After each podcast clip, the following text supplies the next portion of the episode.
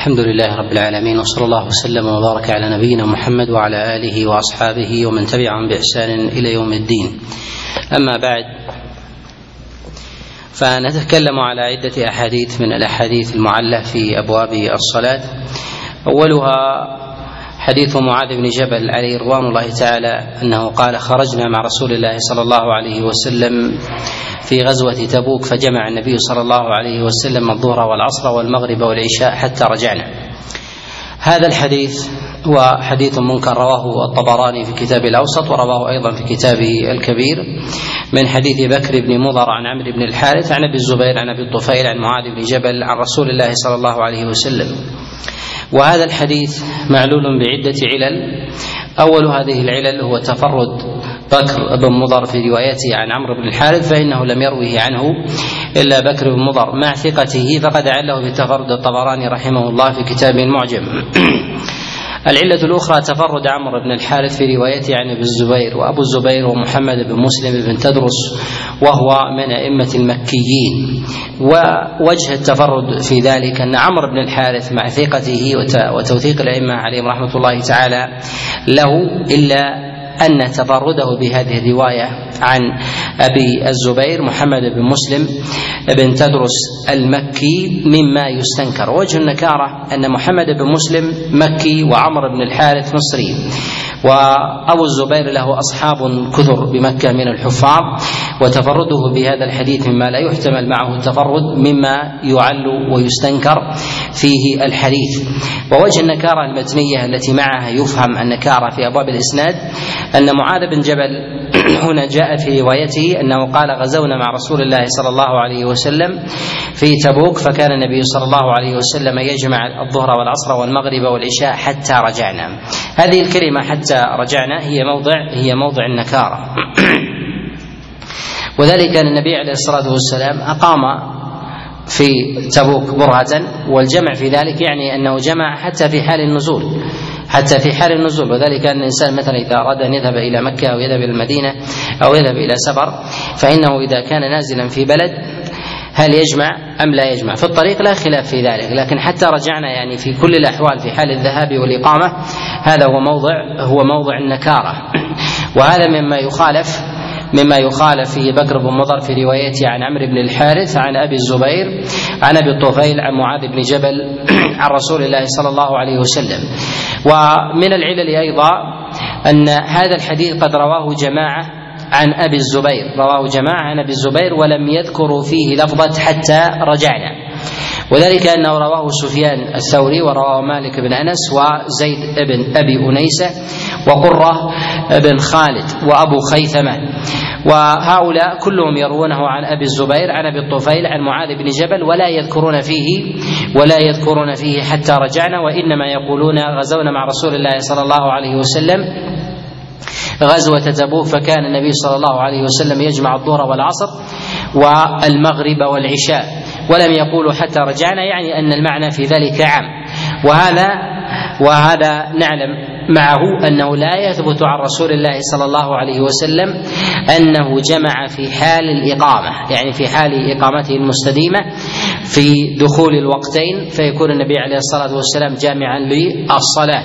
وإنما يقال إن الجمع يكون إذا جد به إذا جد به السير أو كان ينزل من موضع إلى موضع كما كان النبي عليه الصلاة والسلام يفعله في مكة في حال حجه. فإن النبي عليه الصلاة والسلام ليس له موضع محدد في ذلك فينزل النبي عليه الصلاة والسلام في منى ثم يذهب إلى عرفة ثم يذهب إلى مزدلفة ثم يرجع إلى منى. يعني ليس له مقام في هذا. أما الإنسان الذي يقيم في بلدة معينة فالسنة في حقه هو السنة في حقه أن يقصر الصلاة. ولا يجمع. ولو جمع هل يقال بالبطلان؟ لا نقول بالبطلان باعتبار أنه قد جاء الجماعه من السلف. وأمثال هذه الأحاديث هو ظاهر اسنادها الصحة ظاهر الإسناد الصحة.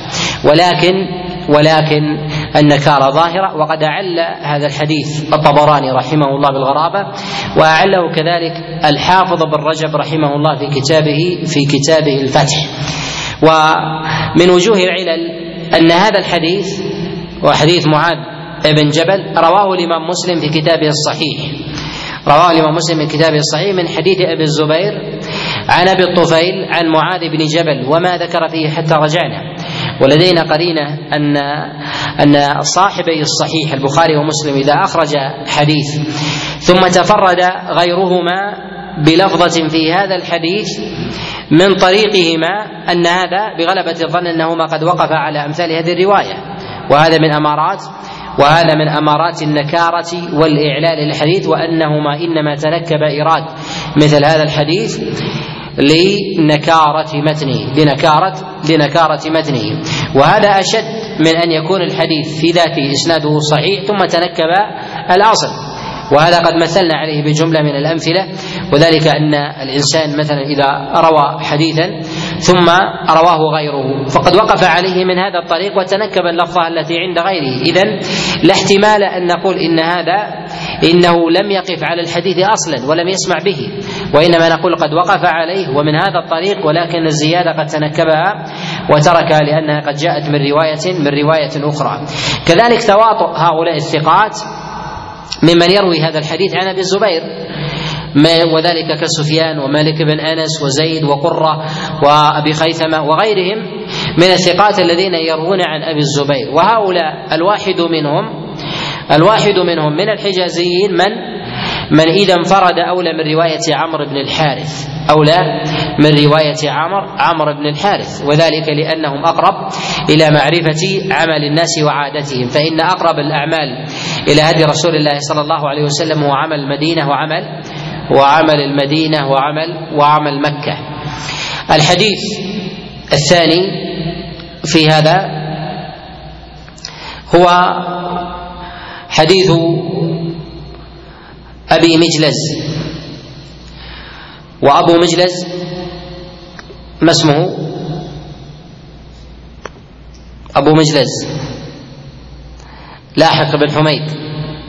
لاحق بن حميد. قال أن رجلا سأل رسول الله صلى الله عليه وسلم عن عن وقت الصلاة. قال فصلى به رسول الله صلى الله عليه وسلم صلاة الفجر بغلس ثم صلى صلاة العصر بنهار فلما كان من الغد صلى صلاة صلاة الفجر حينما قال الناس ما يحبسه يعني تأخر. وصلى صلاة العصر حينما قال الناس ما يحبسه يعني يعني تأخر. ثم قال النبي صلى الله عليه وسلم لذلك الرجل قال إن الوقت ما بين هذين. هذا الحديث يرويه الحارث بن أبي أسامة في كتابه في كتابه المسند. من حديث السكن بن نافع عن عمران بن حدير عن أبي مجلس لاحق بن حميد عن رسول الله صلى الله عليه وسلم. وهذا الحديث معلول بعدة علل. أولها وأشدها الإرسال. الإرسال وذلك أن أبا مجلس لاحق بن حميد لم يدرك رسول الله صلى الله عليه وسلم. وفي هذا الحديث ضعف أيضا آخر وهو تفرد السكن. في في روايته عن عمران بن حدير عن أبي مجلد والسكن هو قليل الرواية. والسكن قليل الرواية. ومثله مما لا يحتمل تفرده بمثل هذا الحديث. وذلك أن هذا الحديث فيه إثبات أن النبي عليه الصلاة والسلام أخر صلاة الفجر حتى قرب النهار أن يظهر. وذلك أن الناس قالوا ما يحبسه يعني أنهم لم يعتادوا ذلك. والنبي عليه الصلاة والسلام المعروف من عمله أنه يصلي الفجر بغلس يصلي الفجر بغلس. وأما بالنسبة لانصرافه فإنه ينصرف فإنه ينصرف مع إسفار. وذلك لأن النبي عليه الصلاة والسلام يطيل في قراءته في قراءته لصلاة الفجر. وهذا عليه نحمل بعض الأدلة أن النبي عليه الصلاة والسلام يصلي صلاة الفجر اذا إذا أسفر. يعني إذا ينتهي النبي عليه الصلاة والسلام منها منها على ذلك ويحمل عليه النبي عليه الصلاة والسلام لا ينصرف الناس وإن احدنا لا يبصر مواقع نبله. يعني إذا رمى بسام يبصر السام حال نزوله يعني أن أن الجو قد الجو قد اتضح للرائي ولهذا نقول إن هذا في حال الخروج لا في حال الابتداء. أما في حال الابتداء فإن النبي عليه الصلاة والسلام يصلي يصلي بغلس. وكذلك أيضا في صلاة العصر فإنه يبكر يبكر عليه الصلاة والسلام بها في اول في أول وقتها. الحديث الثالث وحديث أنس بن مالك أنه قال صلى رسول الله صلى الله عليه وسلم بنا صلاة صلاة الفجر بغلس ثم صلى بنا رسول الله صلى الله عليه وسلم صلاة الفجر بعدما أسفر. وقال إن الوقت ما بين هذين. هذا الحديث رواه الحارث بن أبي أسامة أيضا من حديث داود بن المحبر عن حماد بن سلمة عن حميد عن أنس بن مالك عن رسول الله صلى الله عليه وسلم. وهذا الحديث معلول بتفرد داود. في روايته وهو ضعيف الحديث. قال فيه الإمام أحمد رحمه الله وشبه لا شيء وكلام البخاري رحمه الله فيه كذلك. وهذا الحديث أيضا فيه علة أخرى هو تفرد داود. مع كونه ضعيف فقد تفرد برواية هذا الحديث وهو في طبقة متأخرة وهو في طبقة متأخرة. وذلك أن مثل هذا الحديث بمثل هذا المتن ينبغي ألا ينفرد به داود في روايته في روايته عن حماد. وذلك أن حماد من من المشهورين الذين يروى يروى عنه الثقات وله أصحاب كثر. وهذه السلسلة برواية حماد عن حميد عن أنس بن مالك هي سلسلة معروفة. هي سلسلة معروفة مشهورة. فتفرد داود فيها من أمارات من أمارات الإعلان. الحديث الرابع في هذا هو حديث المغيرة ابن شعبة أنه قال صلى بنا رسول الله صلى الله عليه وسلم صلاة العصر وإن الذاهب ليذهب منا إلى بني عمرو والشمس مرتفعة وهي على ميلين من مسجد رسول الله صلى الله عليه وسلم. هذا الحديث رواه الحارث بن أبي أسامة في كتابه المسند.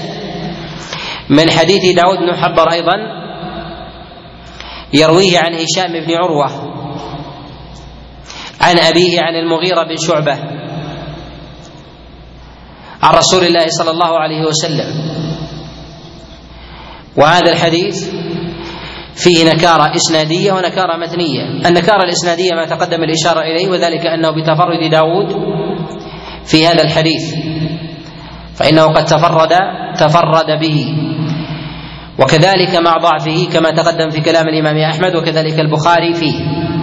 وأما النكارة المتنية فإن الارتفاع في أمر الشمس يعني أنها بيضاء نقية. والميلين كثيرة وهي قريبة من ثلاثة كيلو. وهذا وهذا يدل على أن المسن في ذلك منكر وأنه ينافي الارتفاع وأن هذا غالبا يكون في صلاة الظهر. إذا أراد الإنسان أن يمشي مثل هذه المسافة ما يذكره قال إلى ميلين لا تكون الشمس مرتفعة. لا تكون الشمس الشمس مرتفعة. الحديث الخامس وحديث عبد الله بن عباس عليه رضوان الله أنه قال بت عند خالتي ميمونة. قال فذكر الحديث بطوله وفيه قال فخرج رسول الله صلى الله عليه وسلم إلى صلاة الفجر. وينبغي أن نعلم اننا بهذا الحديث نبتدئ في مسألة الأحاديث المعلولة في أعمال الصلاة. كنا نتكلم في أمر المواقيت وانتهينا من هذا. الآن نبدأ بالمباشرة في أمر الصلاة. قال فخرج رسول الله صلى الله عليه وسلم إلى صلاة الفجر. قال وسمعته يقول اللهم اجعل في قلبي نورا وفي سمعي نورا وفي بصري نورا. الحديث المعروف. هذا الحديث أخرجه الإمام مسلم في كتابه الصحيح من حديث حبيب بن أبي ثابت عن محمد بن علي بن عبد الله بن عباس عن أبيه عن عبد الله بن عباس عن رسول الله صلى الله عليه وسلم. وهذا الحديث بهذا اللفظ منكر. وهذا الحديث بهذا اللفظ منكر. وموضع النكارة فيه أنه قد جعل الدعاء في ذلك هو في ذهاب رسول الله صلى الله عليه وسلم إلى المسجد وهذا ما اشتهر عند الناس. أن هذا من أدعية الذهاب عن المسجد إلى المسجد. وهذا قد تفرد به محمد ابن علي تفرد به محمد بن علي بن عبد الله بن عباس. وقد خالف فيه الثقات من أصحاب كريب مولى عبد الله بن عباس. وكريب هو أبو رشدين وهو مولى عبد الله بن عباس. ومن أوثق أصحابه أيضا وقد أخرج له البخاري ومسلم. إذا ما هو الوجه الصحيح؟ الوجه الصحيح في ذلك ما أخرجه البخاري ومسلم من حديث سلمة بن كهيل عن كريب مولى عبد الله بن عباس عن عبد الله بن عباس أن النبي صلى الله عليه وسلم قام إلى شن معلقة ليتوضأ قال فسمعته يقول اللهم اجعل في قلبي نورا وفي سمعي نورا وفي بصري نورا الحديث يعني هذا في حال القيام إلى صلاة الليل. في حال القيام إلى صلاة الليل. وجاء في بعض الطرق أن النبي عليه الصلاة والسلام إنما قال ذلك في سجود صلاة الليل. في سجود صلاة الليل وهذا الذي قد أخرجه البخاري. وعلى كل فإننا نقول إن تفرد محمد بن علي بن عبد الله بن عباس بهذا الحديث ومخالفته لكريب علامة على النكارة. وذلك لمخالفته لكريب الأمر الثاني أن الإمام أحمد رحمه الله قد أخرج هذا الحديث في كتابه المسند من حديث أبي هاشم عن سعيد بن جبير عن عبد الله بن عباس وذكر أن الدعاء هذا في حال قيام الليل وما جعله في حال الذهاب إلى المسجد. مما يدل على أن محمد بن علي قد تفرد بهذا وخالف الثقات. ويظهر ويظهر لي والله أعلم أن موضع الوهم في هذا أنه جاء في بعض الطرق في حديث عبد الله بن عباس قال عبد الله بن عباس فقام النبي إلى الصلاة يعني صلاة الليل. فظن فيها محمد بن علي بن عبد الله بن عباس أنها صلاة الفجر فقال فقام إلى صلاة فخرج إلى صلاة الفجر فقال. فخرج إلى صلاة الفجر فقال. فتوهم أن ذلك هو في حال خروجه إلى صلاة الفجر لا إلى قيامه إلى صلاة الليل. فقلب فقلب اللفظ فقلب اللفظ وقدمه عن موضعه فقدمه عن عن موضعه. وممن أعل هذا الحديث البخاري رحمه الله في كتابه الصحيح. والإمام مسلم أيضا. أما وجه إعلان البخاري رحمه الله لهذا الحديث فإنه قد أخرج هذا الحديث في كتابه الصحيح وترجم عليه بقوله باب الدعاء إذا انتبه من الليل. باب الدعاء إذا انتبه من الليل. فجعل الدعاء للانتباه من الليل لا للخروج إلى الصلاة. يعني إذا قام الإنسان ليصلي صلاة الليل فعليه أن يقول اللهم اجعل في قلبي نورا وفي بصري نورا. ولا يقوله إذا إذا أراد أن يذهب إلى المسجد. وأما إعلان الإمام مسلم رحمه الله تعالى له فإنه أخرج هذا الحديث أولا من حديث سلمة بن كهيل عن كريب عن عبد الله بن عباس ثم بعد إيراد الطرق لهذا الحديث أورد متأخرا رواية محمد بن علي بن عبد الله بن عباس. والإمام مسلم له عادة غالبة أنه يورد في كتابه الصحيح في أول الباب أقوى ما لديه من الطرق والألفاظ أقوى ما لديه من الطرق والألفاظ. وغالب ما يستنكر على مسلم من ألفاظ نجد أنها ليست مصدرة في الأبواب ليست مصدرة في الأبواب. ومن نظر فيما أخذ على الإمام مسلم رحمه الله من ألفاظ يجد أنها كذلك يجد أنها كذلك. ومنهج البخاري رحمه الله في أبواب الإعلال. ومنهج البخاري رحمه الله من في أبواب في الإعلال أنه يعل الحديث من غير نص في كتابه الصحيح بأمور. أظهر هذه الأمور الترجمة. أنه إذا ترجم على حديث ثم قال ثم ما يخالف هذا ما يخالف هذه الترجمة حديث خارج الصحيح فإنه يعل هذا الخبر. وهذا مثاله هذا الحديث ومثال آخر أيضا في قوله عليه رحمة الله باب السترة بمكة وغيرها. باب السترة بمكة وغيرها. وذلك يقصد بهذا حديث المطلب بن أبي وداعة. أنه قال صلى رسول الله صلى الله عليه وسلم في المطاف والرجال والنساء يمرون من بين يديه لا يسترهم منه شيء. وهذا أراد بذلك أن يعل أن يعل ذلك الحديث. مع أن البخاري رحمه الله حينما أورد السترة بمكه وغيرها أورد حديثا ليس في المطاف ولكنه لأنه أراد إعلان ذلك الحديث جاء بلفظ عام. جاء بلفظ بلفظ عام. ولهذا نقول إن أبواب البخاري هي مواضع للإعلان. فإذا أراد طالب العلم أن ينظر في حديث من الأحاديث فلينظر ما ترجم البخاري خلافه في أبوابه. الفقهاء يقولون إن فقه البخاري في أبوابه. وينبغي للمحدثين أن يقولوا إن علل البخاري في أبوابه أيضا. وهذا وهذا ما يقل استعماله عند عند النقاد. وذلك أن البخاري إذا ترجم على مسألة ولم يخرج ولم يخرج في خلافها شيء فإن الحديث في الباب لديه في الغالب أنها معلولة أو منسوخة. إما معلولة أو أو منسوخة. فليلتمس الإنسان الإعلال الإعلان لها. الأمر الثاني من وجوه الإعلان عند البخاري رحمه الله أن لا يترجم ترجمة صريحة تخالف متن حديث أخرجه غيره في في مصنفه ولكنه يورد حديثا يخالفه ولا يريد ما يوافق ذلك الحديث.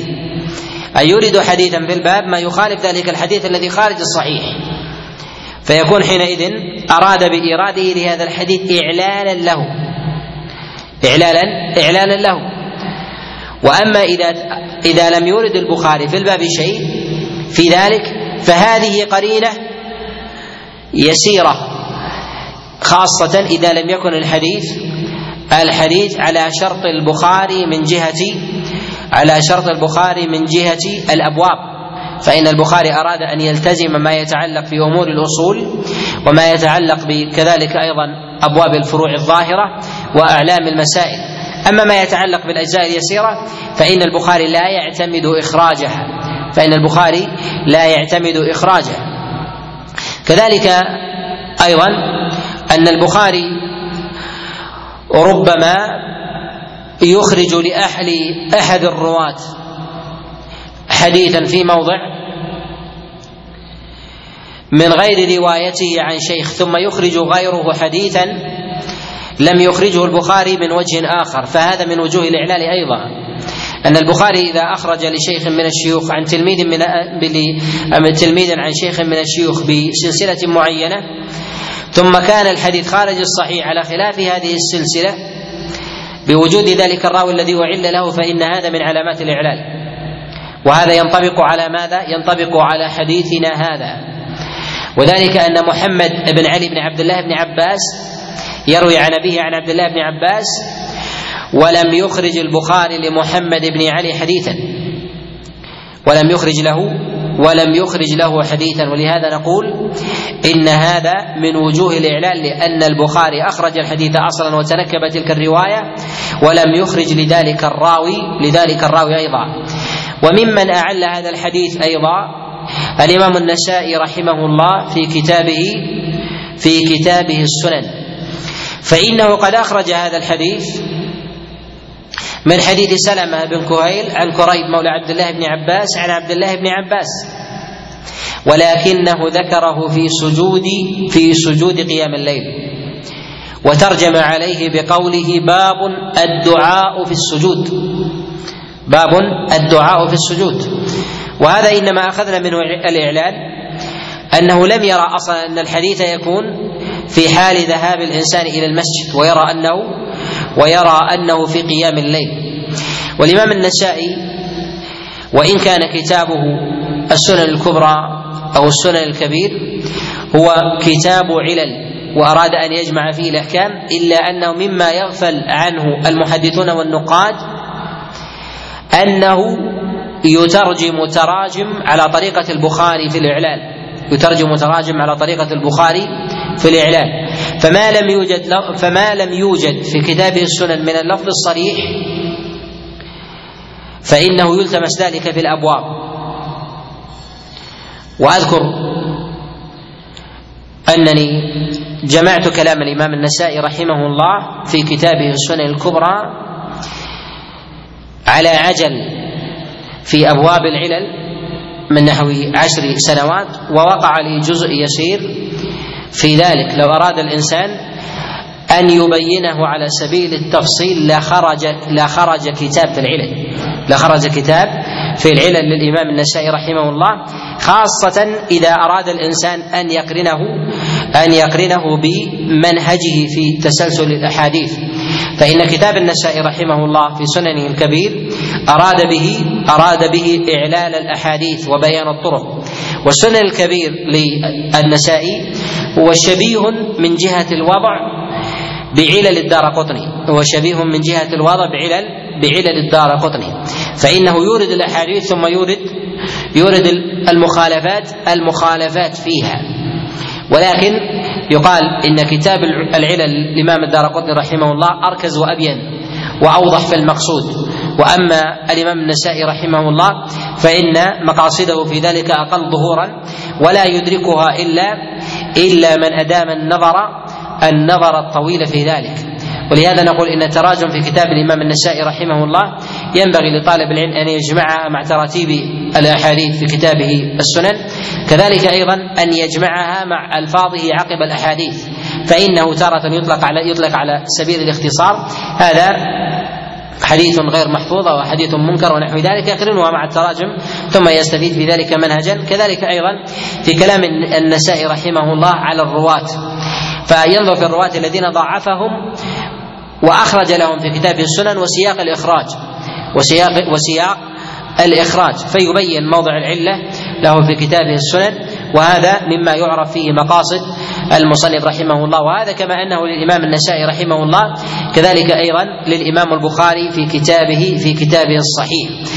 أن تجمع مقاصد البخاري رحمه الله في إيراده أو تركه للزيادات أو إيراده لبعض المعلقات أو لبعض الأحاديث المخالفة التي فيها بعض الألفاظ مع كلامه في كتابه التاريخ. فكتاب التاريخ للبخاري هو كتاب علل وإن سمي تاريخ.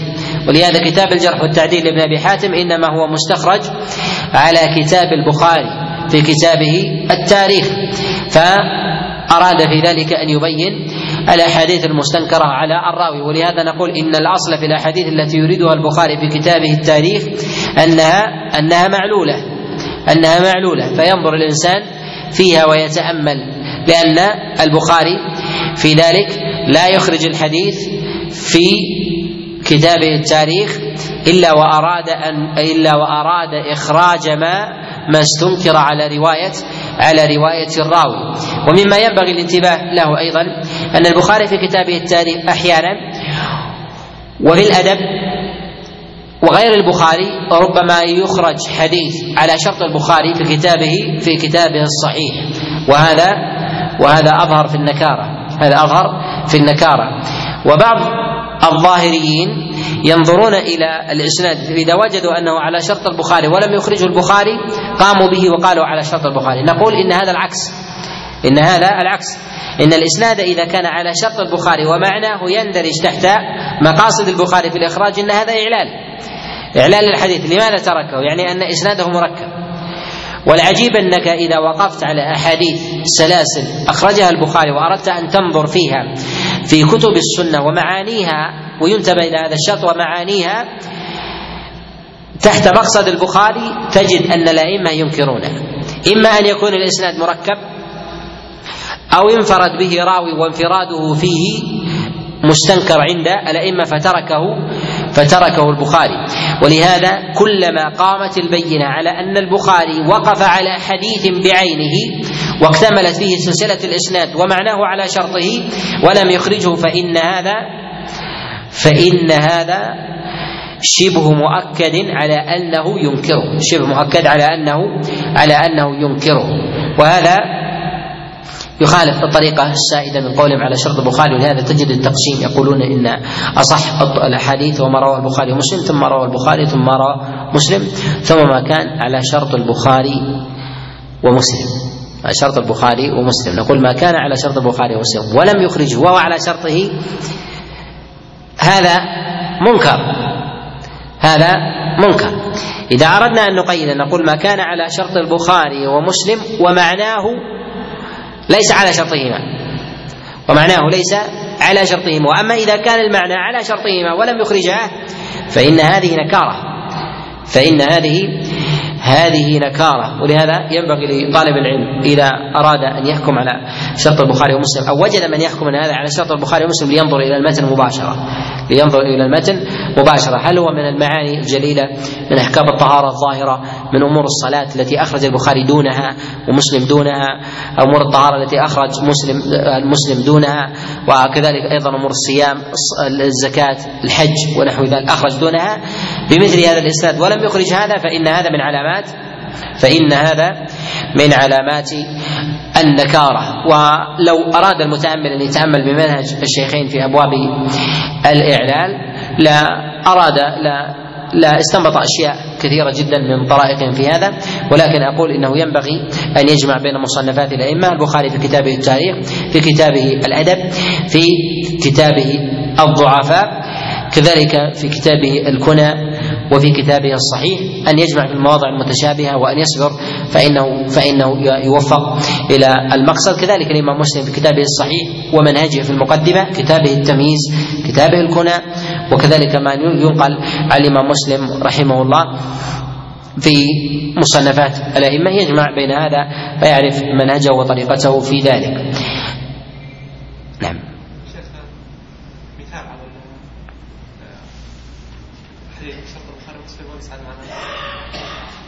نعم مثال على حديث على شرط البخاري ومسلم وليس على معنى أو بعده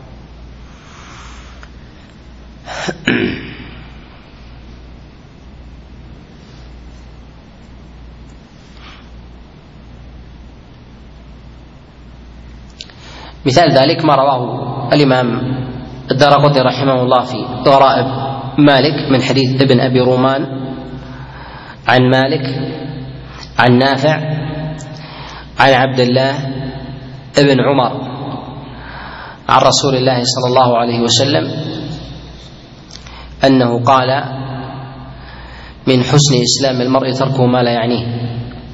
هذا الإسناد على شرط البخاري. وقد جاء في الصحيح من فضل الإحسان وأنواعه وأجزائه في أبواب الإيمان. ما يندرج هذا تحت شرط البخاري وأورد أسانيد هي أنزل منه رتبة. وهذا قد جعله الدار قطني رحمه الله من منكرات ابن أبي ابن أبي رومان. الحديث السادس في هذا وحديث كعب بن عجرة أنه قال قال رسول الله صلى الله عليه وسلم إذا خرج أحدكم إلى الصلاة فأحسن الوضوء فلا يشبكن بين أصابعه فإنه في صلاة. هذا الحديث رواه أبو داود والترمذي من حديث أبي ثمامة الحناط عن كعب بن عجرة عن رسول الله صلى الله عليه وسلم وهو خبر منكر. فهو خبر منكر. أبو ثمامة الحناط مجهول لا يعرف. وقد تفرد بهذا الحديث عن كعب بن عجرة. والحديث هذا منكر سندا ومتنا. منكر سندا سندا ومتنا. أما نكرته الإسنادية وذلك تفرد ثم تفرد الحناط في ذلك عن كعب بن عجرة وتفرده في ذلك مما لا يحتمل لجهالته لجهالته. ومثل هذا الحديث ينبغي أن يحمله من هو أوثق منه وأثقل. لماذا؟ لأن هذا الأمر مما يحتاج إليه ويشتهر ولهذا نقول إن العلة المتنيه في ذلك أن النبي عليه الصلاة والسلام شبه تشبيك الأصابع في الخروج إلى الصلاة بتشبيك الأصابع في الصلاة. وهذا نوع تشديد وهذا نوع تشديد ويلزم من ذلك أن الإنسان إذا كرهت له تشبيك الأصابع في الطريق إلى الصلاة فيكون كذلك أيضا أعلى منها رتبه إذا كان في المسجد. إذا كان إذا كان في المسجد. وهذا أظهر في وروده على الإنسان وهذا يفتقر وهذا يفتقر إلى نص. ولو التمسنا الأحاديث التي جاءت عن النبي عليه الصلاة والسلام في كراهة بعض الأفعال في الصلاة أو في أثناء الذهاب أو من السنن التي بينها النبي عليه الصلاة والسلام لأصحابه. إما قولا أو فعلا لوجدنا أن ثمة جملة من الأحاديث هي أقل من أقل من هذا الحديث رتبة ومع ذلك ومع ذلك صح إسنادها ونقلها الثقات. ومثل هذا الحديث ينبغي أن يحمل بما هو اصح بما هو أصح من هذا. وقد أنكر الأئمة هذا الحديث على أبي ثمامة الحناط في روايته عن كعب بن عجرة عن رسول الله صلى الله عليه وسلم. جاء في ذلك وهيات وموضوعات في هذا الباب ليست على شرطنا لشدة طرحها ولكن أشهر وأمثل ما جاء في هذا الباب هو هذا الحديث. ولهذا يقول الطحاوي رحمه الله في كتابه المشكل قال وأحسن شيء في الباب هو حديث كعب ابن عجرة يعني في النهي عن تشبيك الأصابع في أثناء الذهاب إلى إلى الصلاة. ولهذا نقول إن هذا الحديث مع كونه أحسن شيء في الباب إلا أنه إلا أنه منكر بوجهه الإسناد الإسناد والمتن. ومن يستطيع أن يعلن هذا الحديث بإيراد أحاديث أصح منه بسنن بسنن ثبت عن النبي عليه الصلاة والسلام أو مكروهات بما هو أقل أقل من ذلك. شيخ العلل. نعم نعم لما ذكر ان المسلم المسلم في البنيان مخصوص شد بعضه بعضا ثم شبك النبي عليه الصلاه والسلام بين اصابعه وكان ذلك في المسجد. نعم أحسنت. النبي عليه الصلاة والسلام شبك بين أصابعه في المسجد. شبك بين أصابعه قال المؤمن للمؤمن كالبنيان يشد بعضه بعضا وشبك بين أصابعه. نعم. نعم. أحسنت. حديث ذو اليدين. حديث ذو اليدين. لما قام النبي عليه الصلاة والسلام فاعتمد على سرير وشبك بين أصابعه. شبك بين أصابعه وكان ذلك وكان ذلك في المسجد. نعم.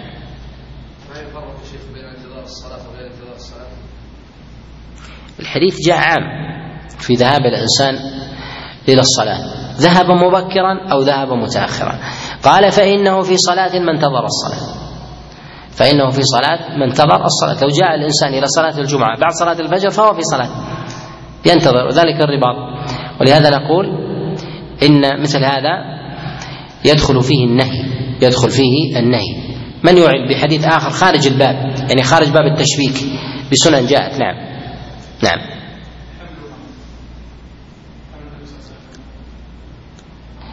يعني هل يلزم من تشبيك الأصابع؟ يحتمل. يحتمل. نعم.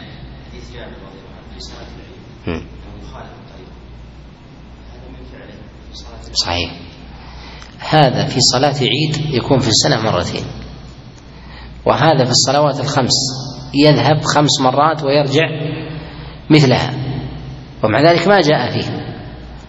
وقد حكوا طريق النبي عليه الصلاة والسلام في ذهابه ومجيئه. وما بينوا حكما مثل هذا. يحتاج إليه خاصة في حال الانتظار.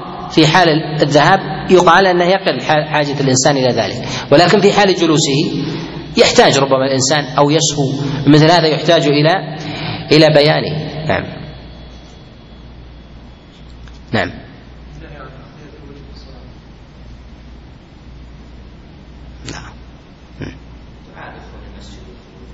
دعاء دخول المسجد والخروج منه لأن المنهيات آكد أن تبين.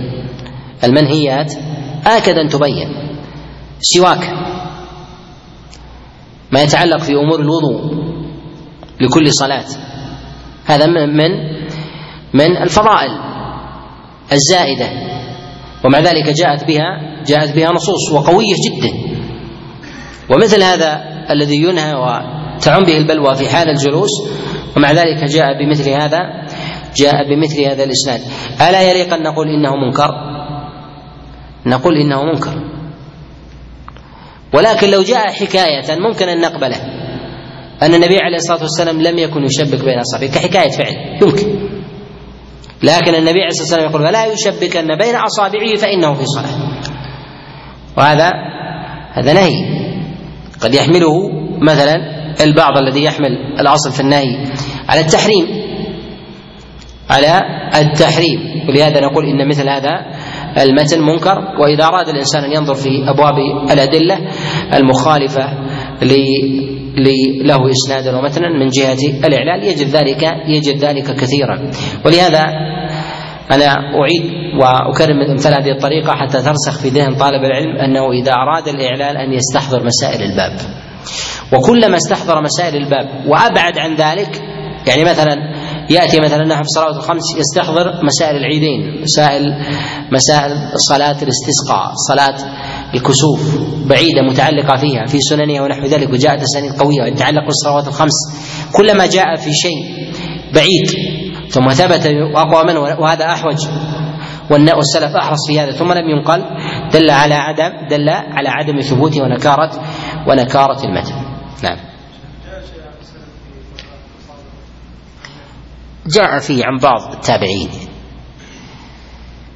ولا يثبت في هذا عن النبي عليه الصلاة والسلام شيء. نعم.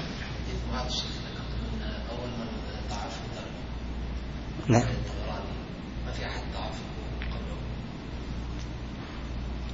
فيه كلام يوحي للترمذي رحمه الله بالاستغراب.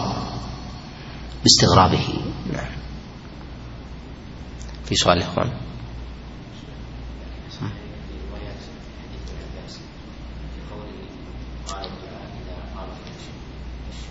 نعم. القيام في قول الله في قلبه وغير الآن جاءت في روايات أنه كان إذا قام إلى القبلة يتوضأ جاءت في رواية أخرى أنه في الصلاة في السجود هذا أيضا ما يعتبر يعني أن النبي قال أولا ما أخرجه البخاري ومسلم أخرج البخاري أنه أن النبي عليه الصلاة والسلام فعله إذا قام إلى إذا انتبه من الليل. وهذا يوافق رواية مسلم حينما قام إلى الصلاة إلى شن معلقة. أما ما أخرجه النسائي رحمه الله ففيه كلام فهو أن النبي عليه الصلاة والسلام قاله في السجود. ولهذا المترجح ما اتفق عليه الشيخان أن هذا في حال القيام إلى الليل.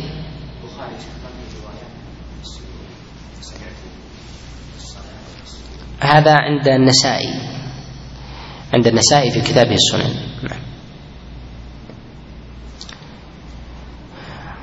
نكتفي بهذا القدر. آه، وصلى الله وسلم وبارك على نبينا محمد. ثمة محاضرة.